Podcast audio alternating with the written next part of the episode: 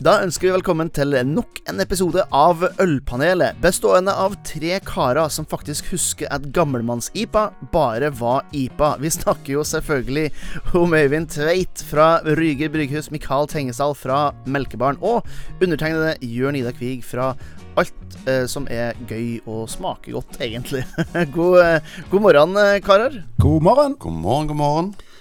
Hvordan, eh, hvordan er livet i Rogaland eh, om, eh, om, dagen? Er det fullt fokus på strømpriser, dårlig vær og innhøsting av korn og kål og et eller annet på kartoffel? Vi graver det bare ned, for det er så dyrt å lage det. Nei, men du, du, er, du, er, inne på ganske mange ting der, altså. Men uh, jeg kjenner jo litt på at uh, den bransjen vi er i, og har jobbet i alle oss tre i mange, mange år, vi skal i grunnen legge oss nå med. Det er ikke nå vi skal sitte og spille en podkast. Vi skulle helst kommet fra nachspiel. Så vi begynner å bli litt gubba. For, for, de unge i vår bransje de er på vei hjem fra fest. Apropos ja. det. Jeg hørte en sånn liten ting i, i eh, NRK Rogaland, eller NRK, ikke NRK Rogaland, Nitimen sikkert i helga. Pleier å høre om det når jeg har frokost. Så intervjua de Kristoffer Joner, den store skuespilleren vår. Og så sa han han var så kjekt å jobbe i utebransjen. For når han jobbet i utebransjen, så var det lov å drikke i baren. Tenker jeg Hør nå her, meg og deg har vært like lenge i bransjen, og det har faktisk aldri vært lov å drikke i baren. så, men han, det, han, elsker jo bransjen, og han syntes det var kjempegøy når han kunne drikke på jobb. Ja. Men livet er herlig, er det ikke det? Jo, det er jo det. Vi kan ikke klage. Hvordan er det i Oslo? Ja. Jo, det er litt, litt grått, men ellers, eh, ellers, er det fint. Det, jeg er jo veldig stor fan av høsten, men jeg tror det har noe med at Uh, det, det, det, føles rett å, å begynne å uh, drikke øl som, uh, som, har litt mørkere farge og er litt mer smaksintenst. Og mat som du på en måte kan putte i ovnen og glemme i en fire-fem timer, og så, og så spise. Det, jeg, jeg syns det er litt koselig. Og så må jeg jo innrømme at hadde det ikke vært for at vi har peis, så tror jeg høsten har vært mye kjedeligere enn det. For jeg, jeg blitt, et, kanskje et ene tegn på at jeg begynner å bli litt, litt eldre, er jo det faktumet at jeg elsker jo å sitte foran peisen og drikke kaffe og ta den første timen på jobb på hjemmekontor eh, foran peisen, så, så jeg, jeg, Oslo, går, Oslo, går, fint. Sånn for min del, i hvert fall. Men eh, utelivsmessig så eh, er det nok eh, litt eh, Litt strammere da, i, både i forbindelse med at det er færre besøkende, og litt mm,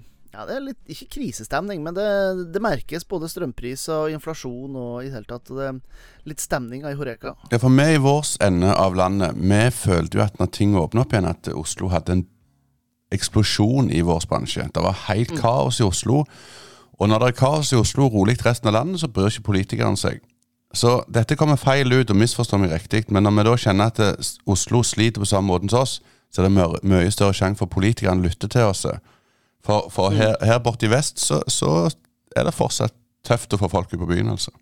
Mm. Så, så, det er Så det, det, det, er godt at hele landet er likt, at det ikke er et uh, vestlandsfenomen.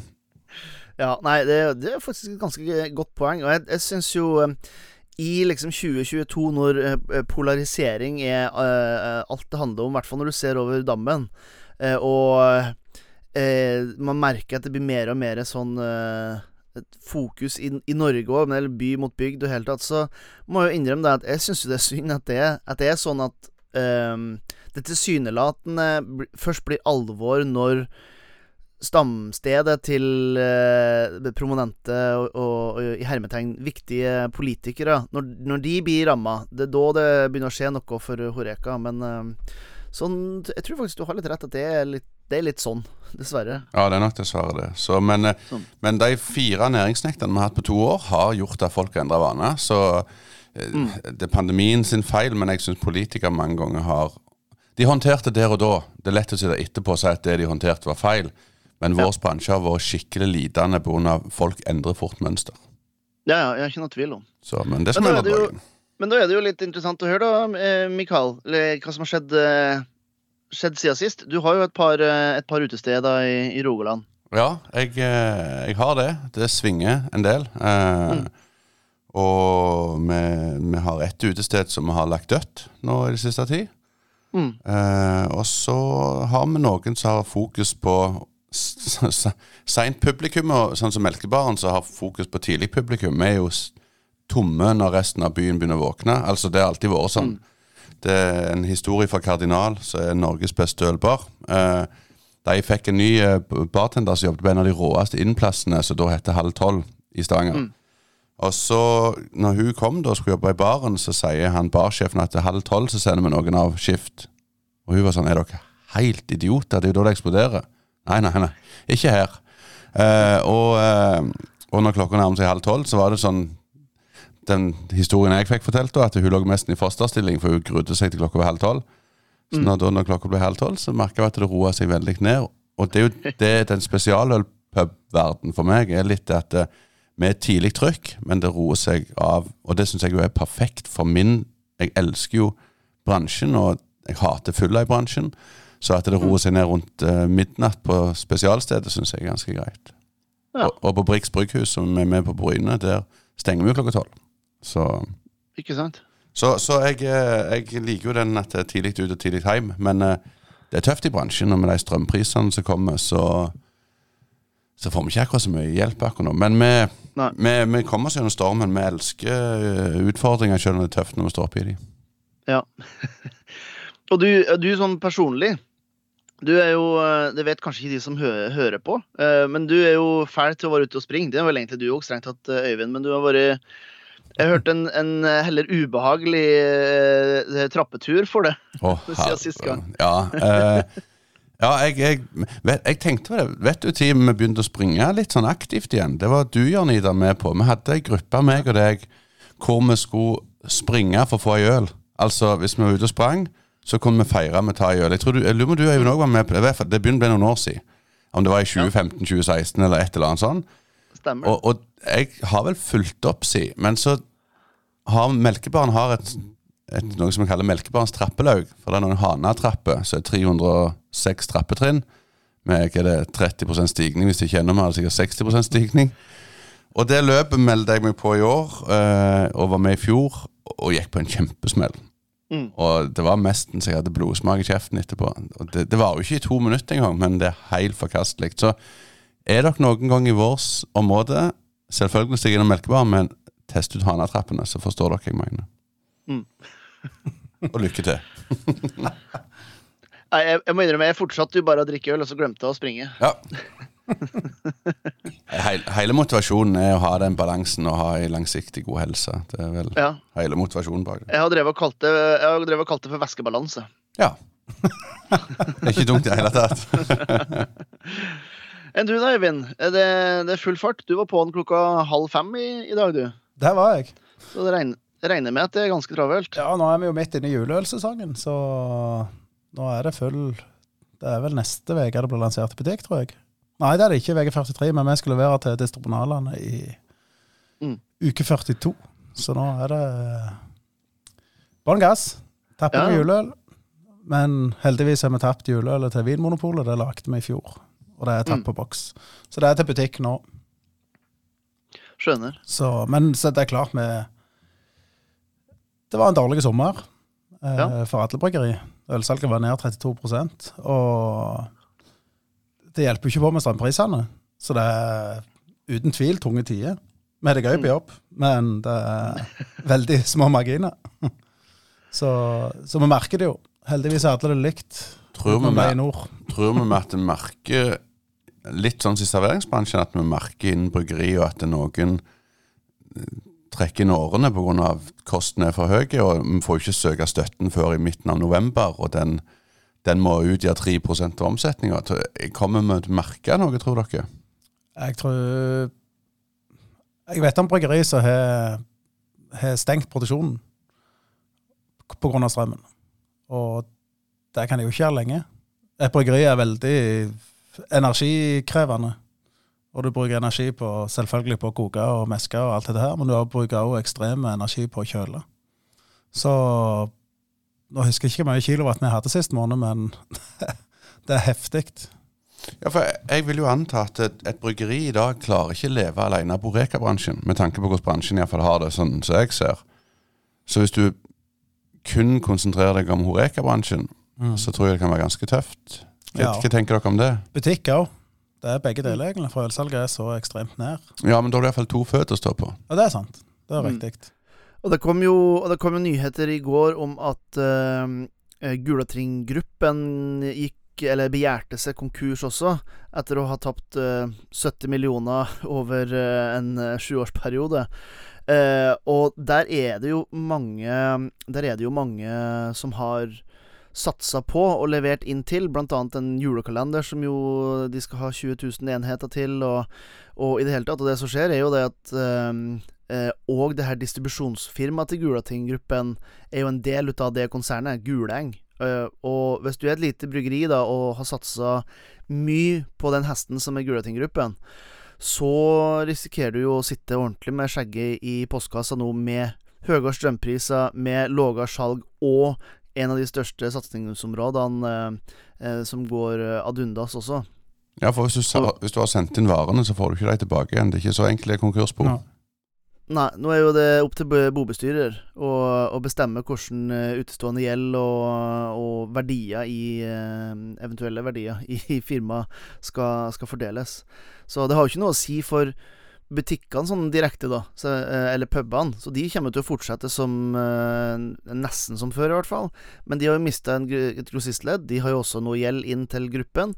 Eh, men det verste er jo faktisk for bryggeriene, sånn som jeg ser det. For at det ligger ganske mye verdier der som ikke kommer til å bli eh, gitt tilbake til. Realisert, Så- ja. Mm. Ja, for, for, for hvis det er gjeld fra butikkene, altså fran, franchisegjeld eller hva det er for noe, inn til moderselskapet, så er jo nok det det første bostyret vil ha tilbake igjen. For han vil jo, Jo. han vil ha sine inntekter på dette her.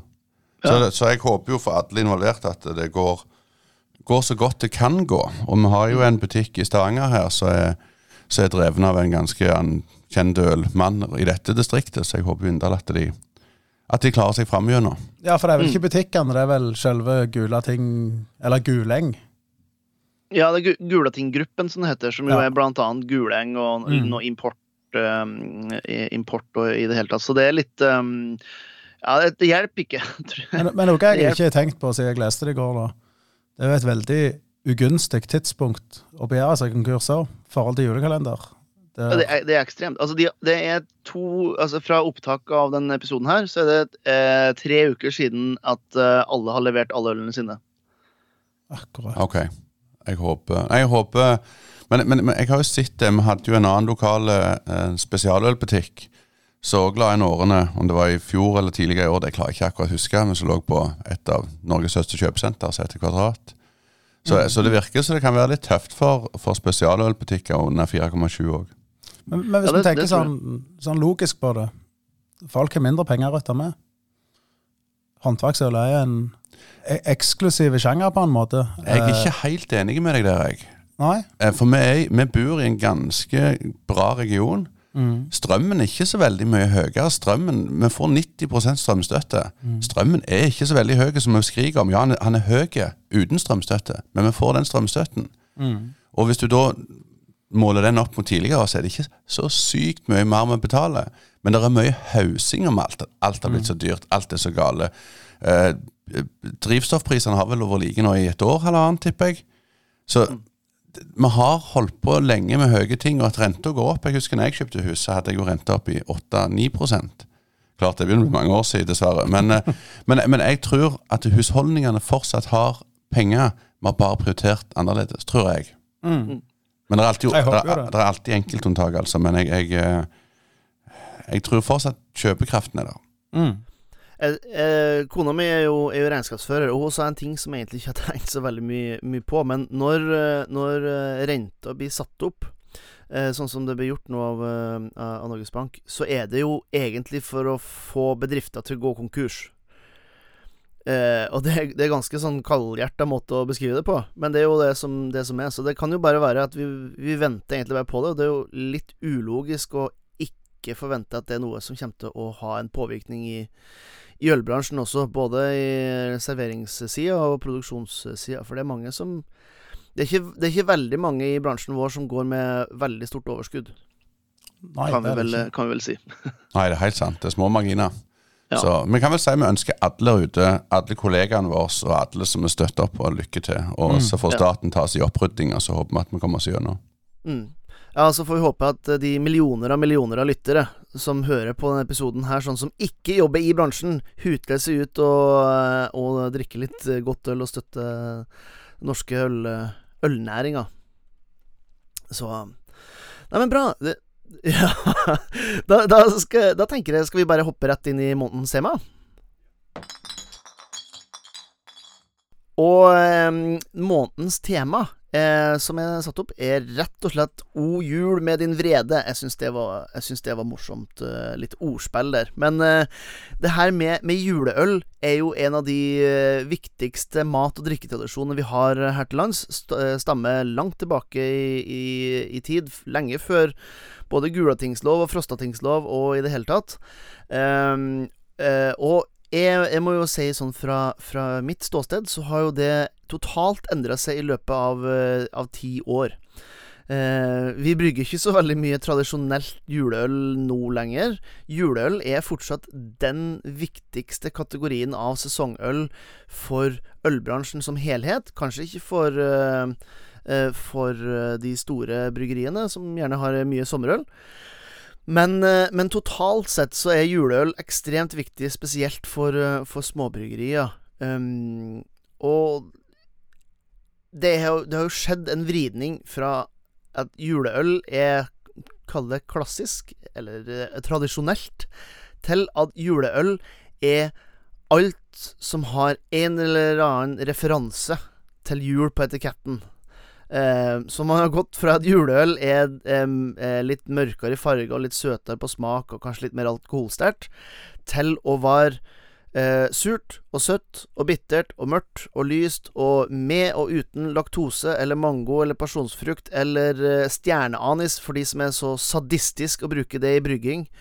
Eh, og jeg må, jeg må si, da, som en, en gammel øldrikker jeg, jeg føler meg litt lost, uh, folkens. Dere må, dere må hjelpe meg. Jeg, har juleøl egentlig bare blitt sånn ei suppe av en ølkategori? Jeg husker vel ennå når Michaela kom med første juleøl-IPA, kjente jeg Hvor går denne verden hen? Og, jeg, og det er da igjen Jeg føler meg gammel gubbe i denne podden, for jeg føler at den ølverden har endra seg så mye, som du sier, på ti år, at vi, vi som var for ti år siden, vi har blitt litt gubbete. Så jeg, eh, jeg syns òg han har forandra seg en del, og det er vel den delen av året hvor jeg får lov å servere de største hipsterne en Ringnes julebukk, så de sier de hater det bryggeriet, men den ølen kan de. Uh, så, da, så for meg så er skikkelig god juleøl faktisk Ringnes julebukk, men det har med, det har med tradisjon og lignende å gjøre. Så Ja, ja, for jeg tror hvis Ringnes hadde kommet med en sånn øl nå, da hadde du Da hadde man bare Ja, whatever. Men eh, det er som du sier, den har jo vært på markedet i såpass mange år at den har blitt en, sånn, en del av en tradisjon. Mm. Så, nei, jeg vet, jeg vet ikke, Øyvind, hvor mye laktose og mangopuré har du putta i årets juleøl? Nei, bare for å si det, jeg elsker det. Jeg, jeg syns det er bra, jeg. For, for du drikker mye øl i jula, sant? Eller folk flest drikker mye øl i jula. Og et mangfold er bare bra. Så du, du, du vil ikke hive deg inn i tradisjoner, du vil fornye dette, du? Er du den unge hipsteren her blant oss? Jeg elsker jo Ringnes julebukk i Forsvaret, da. I fjor så lagde Ryger et eh, mandarinøl, men i år så gjør vi det tradisjonelt. Så eh, vi lager et bukkøl på 4,7 så er det litt søtere enn de vanlige. Men uten laktose. Han er brukt etter renhetsloven, og, og Men hva er juleøl for deg, Øyvind? juleøl for meg Ja. Jeg serverer deg, jeg serverer deg en Neipa juleøl. Neipa hoppy hoppy Christmas. Tenker du fuck off, eller tenker du å, dette var kult? Jeg syns det er litt kult. Okay. For, for jeg går. Det, det blir forbundet med søte bukkøl, sterke bukkøl eh, og mørke øl. Det er liksom det som er jul. Og så syns jeg det er mye tung mat i jula. Og du savner litt den der friskheten. Så jeg husker på når jeg jobbet for Våland ølutsalg for Det er sikkert 20 år siden nå. Og da kom Fredrikstad eller noe sånt med lys juleøl. Og vi solgte noe så hinsides av det. For folk ville ha juleøl, men så lagde de en lyset. Sant? Så jeg, jeg er litt, jeg syns det er bra at uh, det ikke bare er tradisjonsøl. Så kan folk drikke tradisjonsøl de som ønsker. Og jeg gjør det sjøl òg, men så kan de òg prøve noe surt. De kan prøve noe annerledes og spandere på seg litt ekstra, som folk pleier å gjøre i jula. Jeg glemte at vi var på Øyvinds salgskanal. men, men det, det, er jo, det, er jo, litt Det er jo litt fascinerende at hvis ja, da kan man, kan, man kan velge et surøl eller en, en, IPA som er, har juletema. Eh, og så kan de som har tradisjonell vil ha tradisjonelt juleøl, de kan velge det. Men tradisjonelt juleøl er jo ikke en dobbeltbukk. Tradisjonelt juleøl blir jo brygga den dag i dag til, til jul. Altså, du har jo det her oppskåkene og det hele tatt som foregår oppe i, i Trøndelag, der de, der de i romjula drikker eh, Altså, jeg kaller det ekte norsk eh, tradisjonsjuleøl. Um, og jeg må jo si at jeg håper at hvis man kunne i hermetegn kommersialisert den typen ting, så vi har en faktisk bredde. For jeg mener jo Jeg, jeg personlig syns jo at et, surøl med frukt, f.eks., det syns jeg har noen ting med juleøl å gjøre, hvis man sier det tradisjonelt sett. Det har blitt en egen kategori. Um, men det vi ikke ser nå, hvis man skal se på i hermetegn innovasjon, så vil det mer av den typen tradisjonsbrygg som fortsatt blir brygga inne i skogene rundt forbi i, i, Norges land, og få mer av det ut til resten av verden. Eh, det, det, tror jeg er noe som, som jeg personlig i hvert fall uh, ville satt veldig pris på. Det selger sikkert ikke like mye som en uh, nyhumla juleneipa, men jeg er litt sånn Men, men hvorfor må alt Hvorfor må alt være en salgssuksess? Kan ikke noe òg være en, noe som en suksess i form av at man faktisk bringer noe som uh, har litt substans inn på markedet. Men, men, da tror jeg vi er litt inne på det vi snakket om. Det er små marginer. Det vil si at det du brygger, må du helst selge for å kunne ha Hadde du bryggeriet gått med sjusifra overskudd og vel så det hele tida, så er det lettere å lage en batch du kan lagre lenge, for du har råd til å lagre den. Tror, og spesielt når du snakker 4,7, så må det ut nå. Så jeg tror nok det at eh, hva skal jeg si, at markedskreftene har gjort til at det, eh, det blir mange skal jeg si, utradisjonelle ting for at det må selges, etiketten må være bra osv. Jeg, jeg, jeg sier ikke jeg har rett, mm. jeg bare jeg føler bare det. Hvis jeg skal trekke fram et bryggeri, så er for meg det, det kan ta to. Jeg kan ta Skinn og, og Berntsen. Så kommer de samme juleølene år etter år etter år. Så jeg syns jeg, jeg liker litt det tradisjonelle når det gjelder juleøl. Utenom det så elsker jeg alt fucke opp med det meste. Men, men juleøl så er jeg nok litt gubbete. Men mm. Men jeg tror nok kanskje det handler litt om For hvis du, Øyvind, òg Sånn som julemandarin i fjor.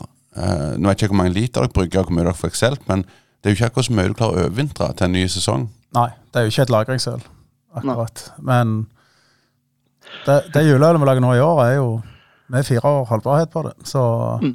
det er jo litt for å kunne lagre og være såpass ærlig og si at hvis du ikke blir utsolgt, så er det dumt å ha Men tror dere det blir mindre juleøl på markedet i år? Nå tenker jeg igjen på, på tøffe tider som er i, at uh, de som ikke er inne på, på dagligvaren, de dropper juleøl pga. at de ikke får solgt ut til Horeka. Ta f.eks. som du nevnte med Gulating. Ganske mm. mange brenner inne med ganske mye minus akkurat nå på dette. her. Tror mm. dere det blir mindre juleøl i år enn det har vært tidligere? Nei. Det tror jeg ikke. Tror, ikke heller. Men jeg tror ikke det blir sånn ekstremt mye mer. For det er ikke kommet så veldig mange nye aktører til. Det er ikke kommet mange nye norske bryggerier.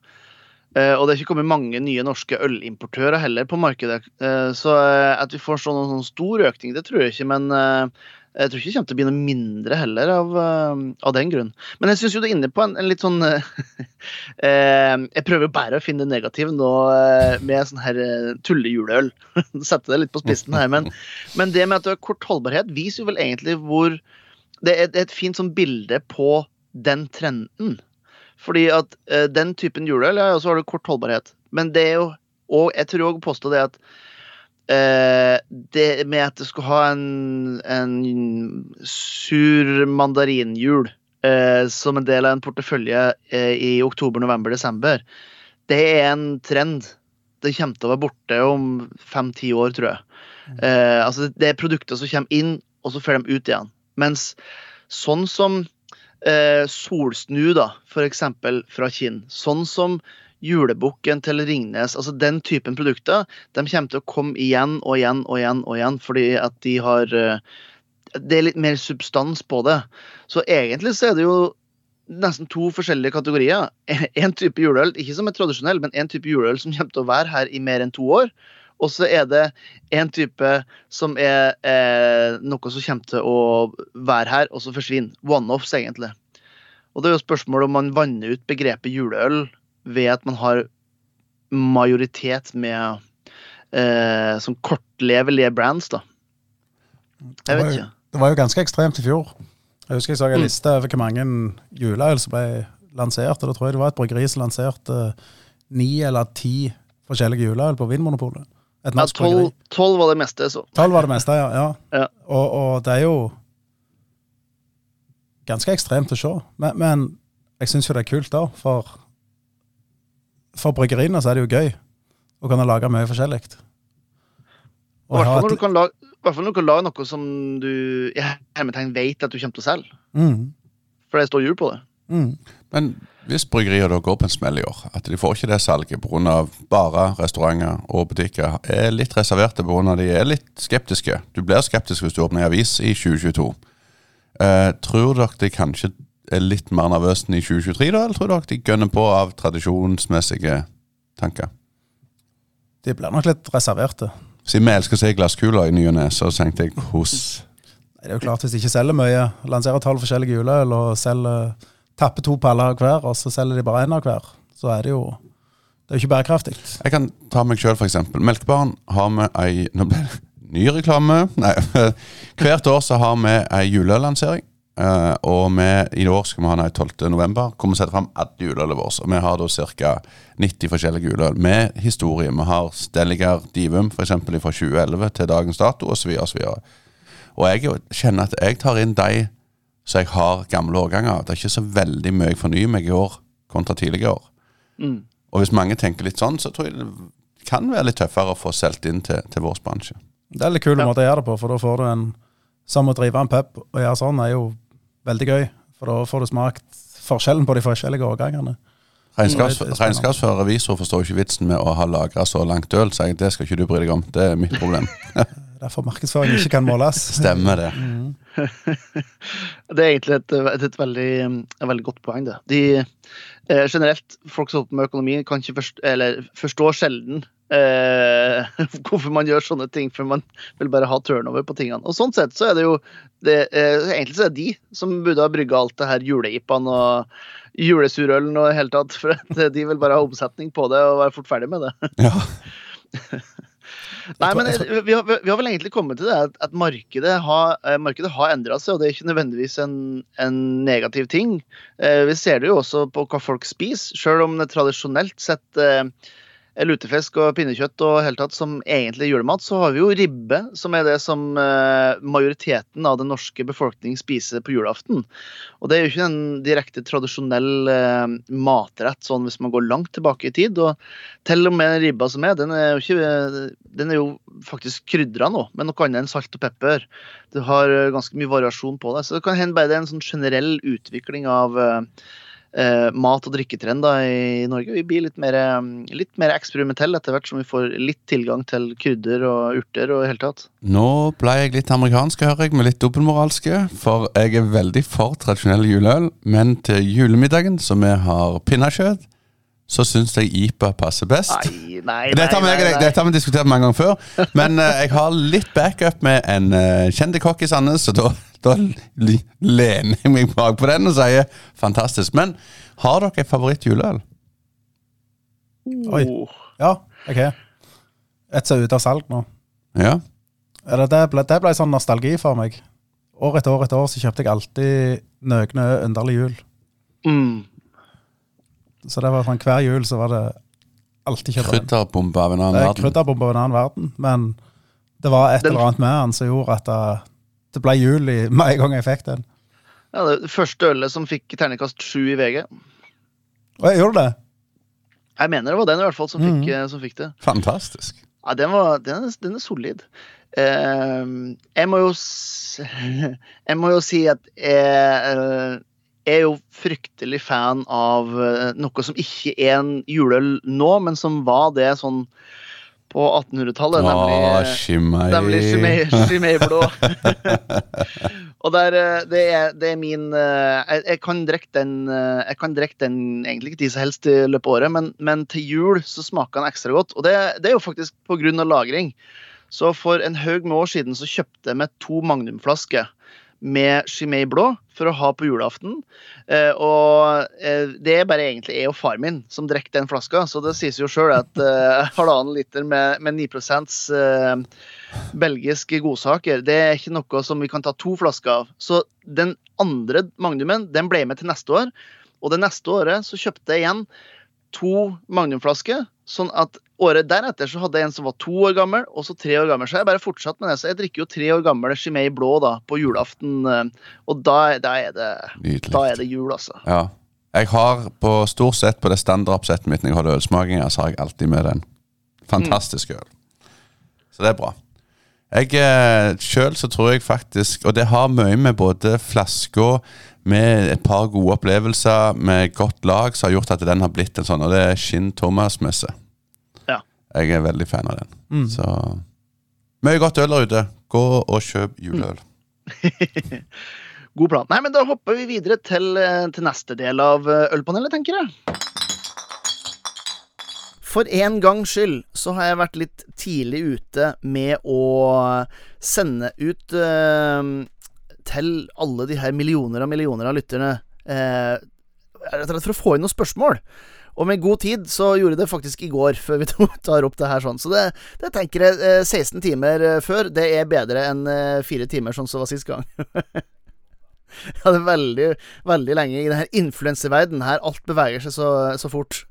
Eh, og vi har fått en del spørsmål. Noe av det her har vi jo faktisk svaret på før, så det tenkte vi skal, skal uh, gå litt forbi. Det er jo i forhold til det her med eh, hvordan eh, dagens eh, økonomi påvirker bryggerier og hele tatt. Det snakka vi en god del om i forrige podkast, og vi snakka litt om det før her òg.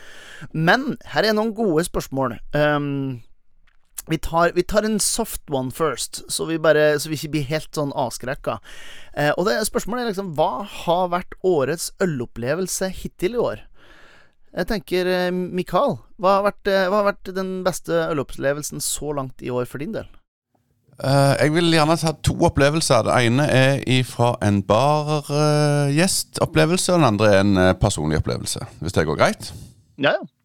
Rister du på hodet, Øyvind? Er du uenig? Nei. Eh, jeg var så heldig at eh, Eller jeg var så heldig, jeg var ute to dager bra her for ikke så lenge siden. Og så fikk jeg en telefon fra et bryggeri om jeg ville stikke innom en tur. Eh, og så fulgte jeg etter han bryggeren og parkerte utføre.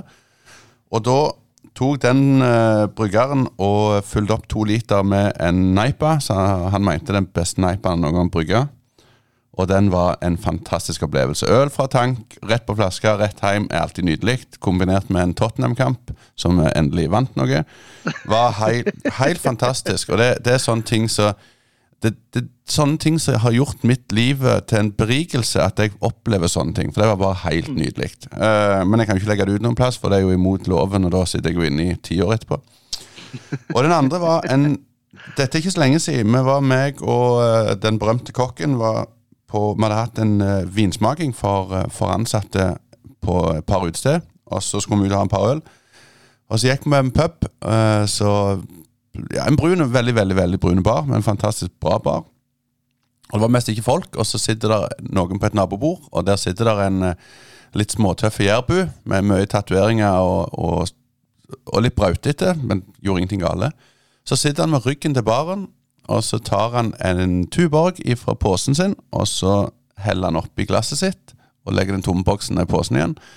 Så kjenner jeg at det er jo ikke min jobb, dette her. Og så kommer hun kvinnelige bartenderen i 50-åra bort, og så spør hun den nabobordet går det bra her. Og så sier han ene ja, ja. Og så sier han som holder oppi øl, og at eh, ja. Og så sier hun hvor har du fått tak i øl? Du fikk jo beskjed om du skulle ikke få mer. Eh, så sier hun har du helt oppi fra posen din? Og det er ikke bra, for det har du ikke lov til. Så jeg må dessverre be deg gå. For vi kan ikke, hun håndterte det så med respekt og profesjonalitet. Jeg ble så blown away av en så herlig opplevelse, for det er for mange bartendere der ute som er De er overvant av nedholdninger, Og måten han Og han ble å være så tøff i trynet og eplekjekke, så ble han fem år gammel at Ja, men jeg vil bare ha den øla. Han ble Og det var en så fantastisk opplevelse. og og, og respekt for faget, og at hun håndterte det sånn. Så, så to sånne opplevelser måtte jeg bare dele med dere. Ja, veldig bra. Enn du, da, Enn du da, Øyvind? Det er den der standarden Jeg hadde den i fjor òg. Uh, dyreparken med ungene i sommer. Det er jo gøy i en time og to. Men ikke en hel dag. Nei, jeg kom hjem på hytta etter på Sørlandet etter, etter en lang dag i Dyreparken. Og så står det en pilsner Urquell faktisk, og lener seg mot uh, kjøleelementet i kjøleskapet. Så den var cirka nesten sånn han frøys. Det er årets beste øl, faktisk. Uten tvil. Det var sånn du fikk brain freeze når du drakk den. Fantastisk. Det er så kaldt at man kjenner det iser på tennene. Ja. Og du da, unge lovende kvig? Jeg, må faktisk innrømme, mens dere har snakka nå, så har jeg sett gjennom gjennom Instagramen min for å se hva jeg har gjort. for det er sånn jeg greier å huske ting. Men jeg, jeg tror ikke jeg har Jeg tror ikke jeg har sånn én ølopplevelse som jeg tenker bare Wow! Um, altså, det, det jeg syns har vært morsomst, har jo vært å få lov til å starte uh, ølsirkus og få reise rundt og gjøre eventer og treffe hyggelig interessante mennesker, og kanskje lært på et eller annet triks og røverhistorie også. Det har vært uh, veldig gøy, men det er ikke noe sånn her jeg har, jeg, har, jeg har, reist veldig lite bare for gleden sin del. Jeg har, jobbet, jeg har alltid vært på jobb. Men jeg tror kanskje Jeg tror kanskje vi skal trekke fram en nå når jeg, når jeg tenker litt på det. Så var vi jo på en familieferie nede i Nederland, Tyskland, Danmark og tilbake. Og da traff jeg en kompis som jeg ikke har truffet siden før eh, pandemien, og vi dro til et um, til en pub i Amsterdam. Nå skal jeg finne navnet på det, sånn at alle kan dra dit når de skal til Amsterdam. Um, men det som var spesielt, er én ting er at du setter, du setter liksom nede attmed uh, Nede attmed um, uh, Altså, det er kanalen, og, og kosa det. Um, og profflokal uh, Arensnest Eh, var en helt nydelig sted. Han servitøren eh, Han tok godt vare på oss. Vi fikk eh, snacks mens vi satt og drakk og kosa oss med alt mulig av eh, stiler. Og det her er et sted som helt siden de åpna, bare har servert nederlandsk øl. Eh, ikke noe Ikke noe Heineken-greier, men altså craft beer fra, fra, Nederland. Helt siden åpninga for 20 år sia. Eh, og det merker jeg ble som, som, fagmann så ble jeg veldig glad av å sitte der. Eh, godt vær, eh, halvgodt selskap og liksom noen som tar vare på, på nederlandske bryggerier. Det syns jeg, synes jeg var veldig fint. Så det må jo kanskje sånn kosmessig eh, kanskje den eh, beste ølopplevelsen. Det er et par kjempebra ølbarer i Amsterdam, bl.a. den med kun nederlandsk. Og så har de vel en Jeg kommer ikke på hva han heter for noe. men si, Han ligger på, langs kanalen, men det er jo alt i Amsterdam, så det ble jo helt feil å si. Så jeg tror, det, jeg tror, faktisk han heter noe så internasjonalt som Beer Temple, hvis jeg ikke husker helt feil. Ja, det stemmer. Det, og det er faktisk samme, samme eierne som har oh, ja. Arens Nest. Kult. Så. så. Altså, det var et spørsmål. Og så er det en eh, Her får vi passe på å ikke bruke for lang tid, for her kan, vi, her kan vi bruke mye tid. Men et annet spørsmål er Hvis du kunne endret én ting i dagens alkohollovgivning, hva ville det vært, og hvorfor? Og jeg tror det, Jeg kan begynne eh, på den, fordi at eh, Hvis det skulle vært én ting jeg ville endra jeg ville endre, jeg ville ikke åpne opp for fritt reklame eller uh, at man kan selge så sterk alkohol man bare vil i butikken og sånne ting. Det, det, er, det er sånne ting som ungdomspartiet holder på med for å uh, få mye likes og i hele tatt i, i, sosiale medier, og kanskje prøve å konvertere en og annen velger, men har så store sosiale konsekvenser at det orker ikke engang å tenke på.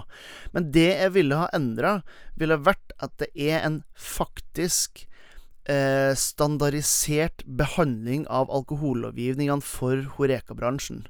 Altså at loven har vært lik uansett hvilken by eller bygd eller hvor man er hen. Fordi at sånn som det er i dag, så praktiseres den ekstremt forskjellig. Og jeg husker enda et sånn legendarisk sammenligning eh, Stavanger-Oslo. Der eh, hun som da var ansvarlig for skjenkekontrollen i Stavanger eh, Det er ikke ordrett eh, sitat, men sånn som at eh, jobben deres var å, eh, å følge opp serveringssteder og sørge for at de fulgte um, alkohollovgivning, og eventuelt gi de konsekvensene som eh, alkohollovgivninga eh, Eller som bruddet ville ha sagt. Mens han i Oslo sa at vår jobb er å hjelpe serveringsstedene med å opprettholde alkohollovgivningen så godt som mulig. Så den ene var da fokus på straff, mens det andre på uh, gulrot, skulle jeg si. Og det er så mye forskjellsbehandling i, i restaurantbransjen, i Horeka-bransjen, når det kommer til alkohollovgivninga. Så én standardisert gjennomføring av, av alkohollovgivningen i Horeka, eh, det ville vært eh, Det ville vært det jeg ville endra. Jeg eh, så det i Rusrådet i Sandnes kommune for noen år siden, og da fikk vi et sånt blad som heter sikkert Rus. Og der sto akkurat det samme, at skjenkekontrollene i Norge hadde fått mer penger. Eh, alle andre plasser i Norge sto det at de skal samarbeide med bransjen, men i sør-vest-regionen var det at de kunne avdekke mer avvik. Jeg skal ikke nevne navn på uttalelser, for dette kommer til å slå meg rett i ræva i seinere periode. Jeg hadde møte med politiet her i uka hvor jeg kritiserte ting. så jeg, jeg, jeg minner om at jeg tårer faktisk ikke være tydelig hva jeg mener om enkelte ting, for det er så firkanta. Men er det én ting jeg vil endre, så er det at uh, serveringsbransjen må få lov til å reklamere innenhus. Det er helt tragisk at vi holder på med produktet som vi strengt tatt ikke har lov til å gjøre nesten en ting med uten at vi blir skutt opp og ned i mente. Det er, det, er helt på trynet. Men, men reklame innenhus starter rolig, begynner der. Eh, jeg har ikke heller troen på danske tilstander, at det kommer til å ta helt av. og og alt sånn, Men innenhus må vi for guds skyld få lov å reklamere. Folk vet hvorfor de går på en bar. Det er ingen som blir kjempeskuffa av at du går på en bar og ser at det står Mm. Ryger-nyhet f.eks. til 119 kroner. Det er bare at vi må få lov å få den nyhetsinteressen og vise folk hva vi har kommet med nytt. og det Det har det god natt, spør du meg. Ja. Jeg er veldig enig med deg, Mikael. De oppsøker en pub 98 for å drikke øl. Og at det går an til å stå At det er fersk IPA på tapp, eller at det er et eller annet. Det hadde mm. hjulpet mikrobryggeriene òg, til å, at folk velger noe annet, tror jeg. Og ikke bare det samme. Det er jo like dumt så at et bryggeri kan skrive på engelsk på sosiale medier når de eksporterer alkohol. Herregud. Nei. Så kan de eksportere én boks. Ja, Innenhus, hei konge, så hadde vi fått framdrift i denne verden. Men jeg er enig, jeg skal ikke ha noen fri flyt. Jeg er utrolig for Vinmonopolet og alt det der greiene der. Og jeg har vært veldig tydelig på at jeg vil ha reklame, men jeg ser at da hadde det vært de store som hadde reklamert og sånn. Selv om jeg tror mye kan være positivt med ølmisjonering og sånn. Men eh, starta med Horeka-bransjen, at vi får lov å vi, vi, vi skulle fått lov å gjort litt sånn som journalister. Så lenge det er redaksjonelt, så er det lovlig. Eh, mm. Så kunne vi faktisk fortalt og fremme norsk håndverk. Ja. Så innhus, good. Min, min er jo ganske egoistiske, da. men, men, det er faktisk noe jeg mener. Uh, at bryggeri og bryggeriutsalg skulle fått lov til å selge sånn som siderbøndene gjør det. At vi får lov til å selge opp til et gitt volum innenfor et år. Opp til 22% Så du kan tilby hele hele spekteret ditt av produkt. Og, mm. og, det er nesten ikke bærekraftig til å starte et bryggeriutsalg nå opp til 4,7 og kun selge øl. Det syns jeg skulle vært en Og det vet jeg Bryggeriforeningen òg jobber med. Og hvis jeg produserte produsert under samme tak, så syns jeg nest Jeg synes det er feigt at siderbøndene får lov, og ikke ølbryggeriene får lov. Ja, det forstår jeg. Mm. Det er jo en uh, uh, Det er jo det at man har ekskludert én produktgruppe, som kanskje mm. er mest provoserende. Mm. Vi var innom uh, Inderøya gårdsbryggeri her i fjor. Og mm. da dro jeg jo med meg en uh, mjød på 16 uh, eh, som, jeg gjøre, altså det, som jeg fikk lov til å dra med meg fra butikken, fordi at det er honningen produsert på, på, på gården. Mm. Eh, men jeg får ikke lov til å ta noe sterkøl, sjøl om kornet som de har, kommer fra gården. Mm. Så det er litt sånn ja, frustrerende. Nei, jeg er med på den, altså. Gode spørsmål vi har fått inn fra, fra lytterne. Eh, tusen takk til alle sammen. Og så får dere jo eh, sørge for å, eh, å sende inn da enten eh, på Facebook eller på, på Instagram eller eh, hvor det måtte være, hvis dere har spørsmål dere ønsker å, å få tatt opp i Ølpanelet. Da går vi jo videre til eh, den siste og kanskje morsomste avsnittet av eh, panelet. For øldilemma, der har, i hvert fall jeg fått et par meget gode eh, tilbakemeldinger fra, fra forrige episodes eh, dilemmaer. Og nå, eh, nå er vi jo klar for, for nye. Eh, jeg føler nesten et litt sånn rått parti, fordi Mikael han, han øver seg jo på dilemmaer hver uke. Så jeg, jeg bare ser for meg at han er en sånn her øldilemma-ekspert oppi det hele. Om det er noe som, som kan hete, hetes da. Så et, jeg, kanskje vi skal begynne med Skal vi begynne med det i dag, Mikael? Ja, ja, det er ingen problem, det. Eh, Ja. Det er jo løye når du lager disse dilemmaene, så humrer du og ler litt for deg sjøl. Og så når du sier det høyt, så tenker du dette var jo ganske idiotisk. Men vi gønner på. Jobbet i ølbransjen og kun fått ei øl i uka. Eller hatt hvorfor en jobb som helst utenom og fått gratis øl sett på trappa hver mandag. Altså både med nyheter, et bra antall, alt som måtte friste deg den uka. Det er mitt dilemma. Å, den er sterk. Der er du sterk, Mikael. Eh, jeg tror Altså, 52 øl i løpet av et år, det er ganske lite. Men jeg ser for meg at jeg hadde blitt veldig Jeg, hadde gått for å jobbe i ølbransjen og drukke 52 eh, 52 øl, tror jeg faktisk. Altså én øl i uka. Og grunnen til det er at mye av det som jeg syns er så bra med, med ølbransjen, er én, altså folkene som er i den, og så to, å vise fram de folkene til andre folk. Altså få folk til å, til å oppdage at øl er ikke bare en form for uh, lyst lager. Det er mye mer av det historie som går langt tilbake. Og hele tatt. Så jeg, jeg, er nok mer i det nå for den biten enn for altså, Rusen er det lenge siden at uh, det var ferdig, ferdig, ferdig med for uh, flere tiår siden. Men eh, det er mer helheten i ølbransjen som er, er i det for, enn akkurat selve produktet, faktisk. Selv om jo det er ganske essensielt i det hele. Så ja, jeg hadde jobba i ølbransjen og drukket én øl i Ja, det, jeg, jeg ser sånn ei tenkeboble hos deg nå, der det står Magnum Det er jeg òg så. Det er magnumflasker som kommer fram der, så eh, Jeg er inne på Vinmonopolet nå, faktisk, så hvis noen har lyst til å kjøpe den, så har den vare nummer 10811505. Nei, eh, jeg er enig med deg, Jørn Jan Idar. Jeg hadde klart meg med ei øl i uka, jeg, altså. Jeg syns det er kjempegøy bransje å jobbe i. Jeg hadde ikke bytta den vekk mot gratis øl hver mandag. Det hadde jeg ikke.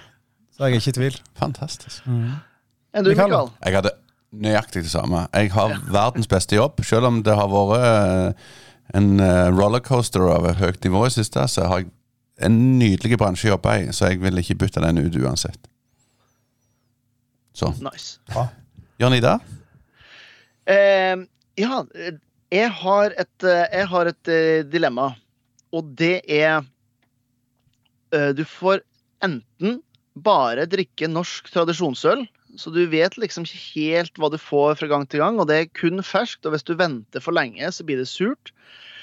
Eller du kan bare drikke øl med laktose.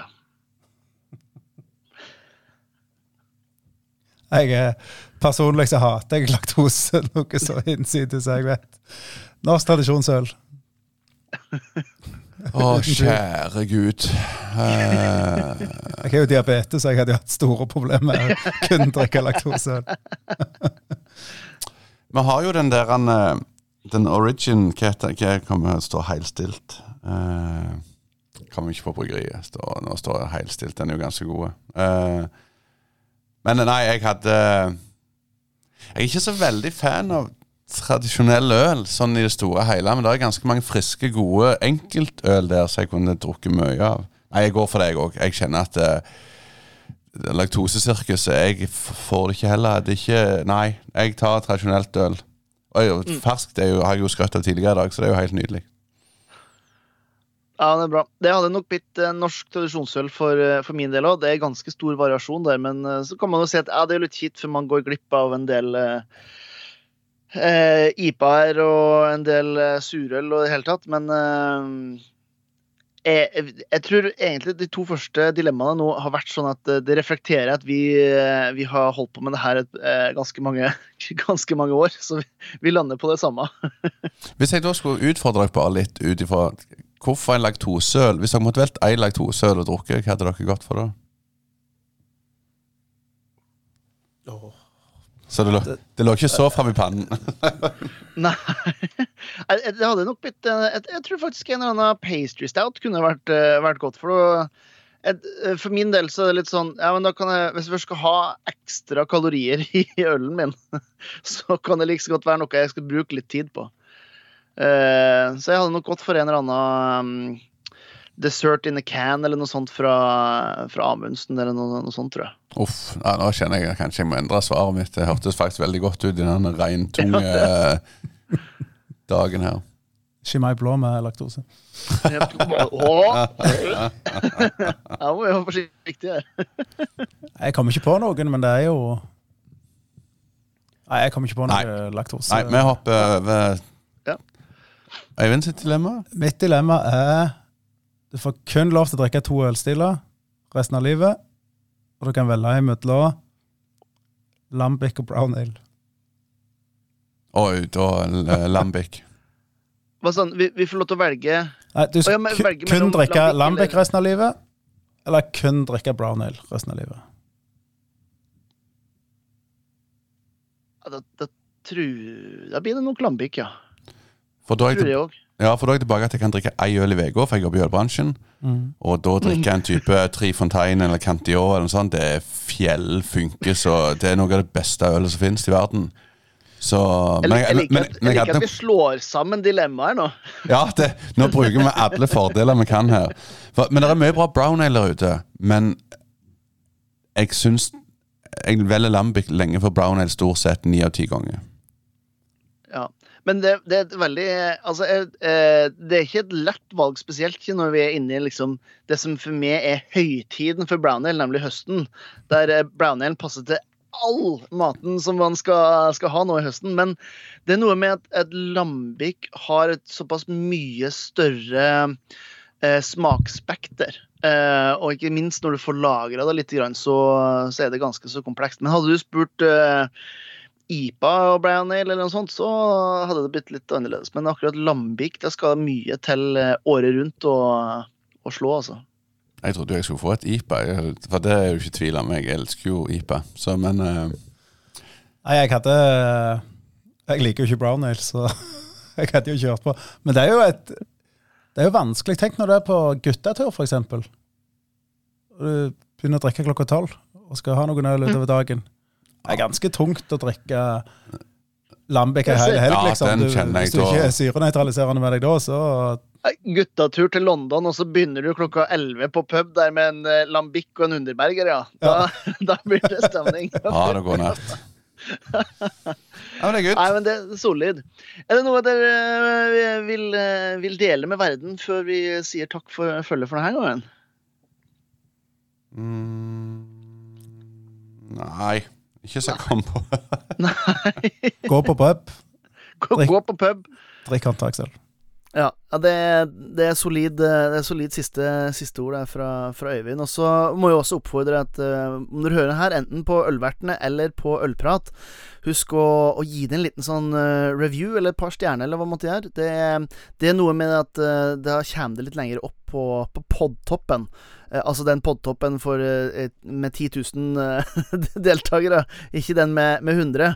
Men det hjelper i hvert fall å, å få folk som søker etter øl, og, og få ølpanelet og, og oss fram i lyset. Så, så gjør det, og så ikke minst eh, kanskje ta og, og, eh, og, og følg både ja, både Melkebaren og Ryger og, og Ølsirkus eh, på sosiale medier. Så får dere kanskje være en del av de, de neste eh, morsomme ølopplevelsene som er i, i regi av, av en av de tre nevnte der.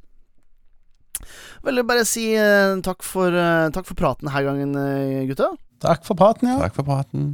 Og så høres vi igjen eh, ganske snart, med eller uten gamlemanns-IPA. Fantastisk. Ha det godt. Ha det. Ha det.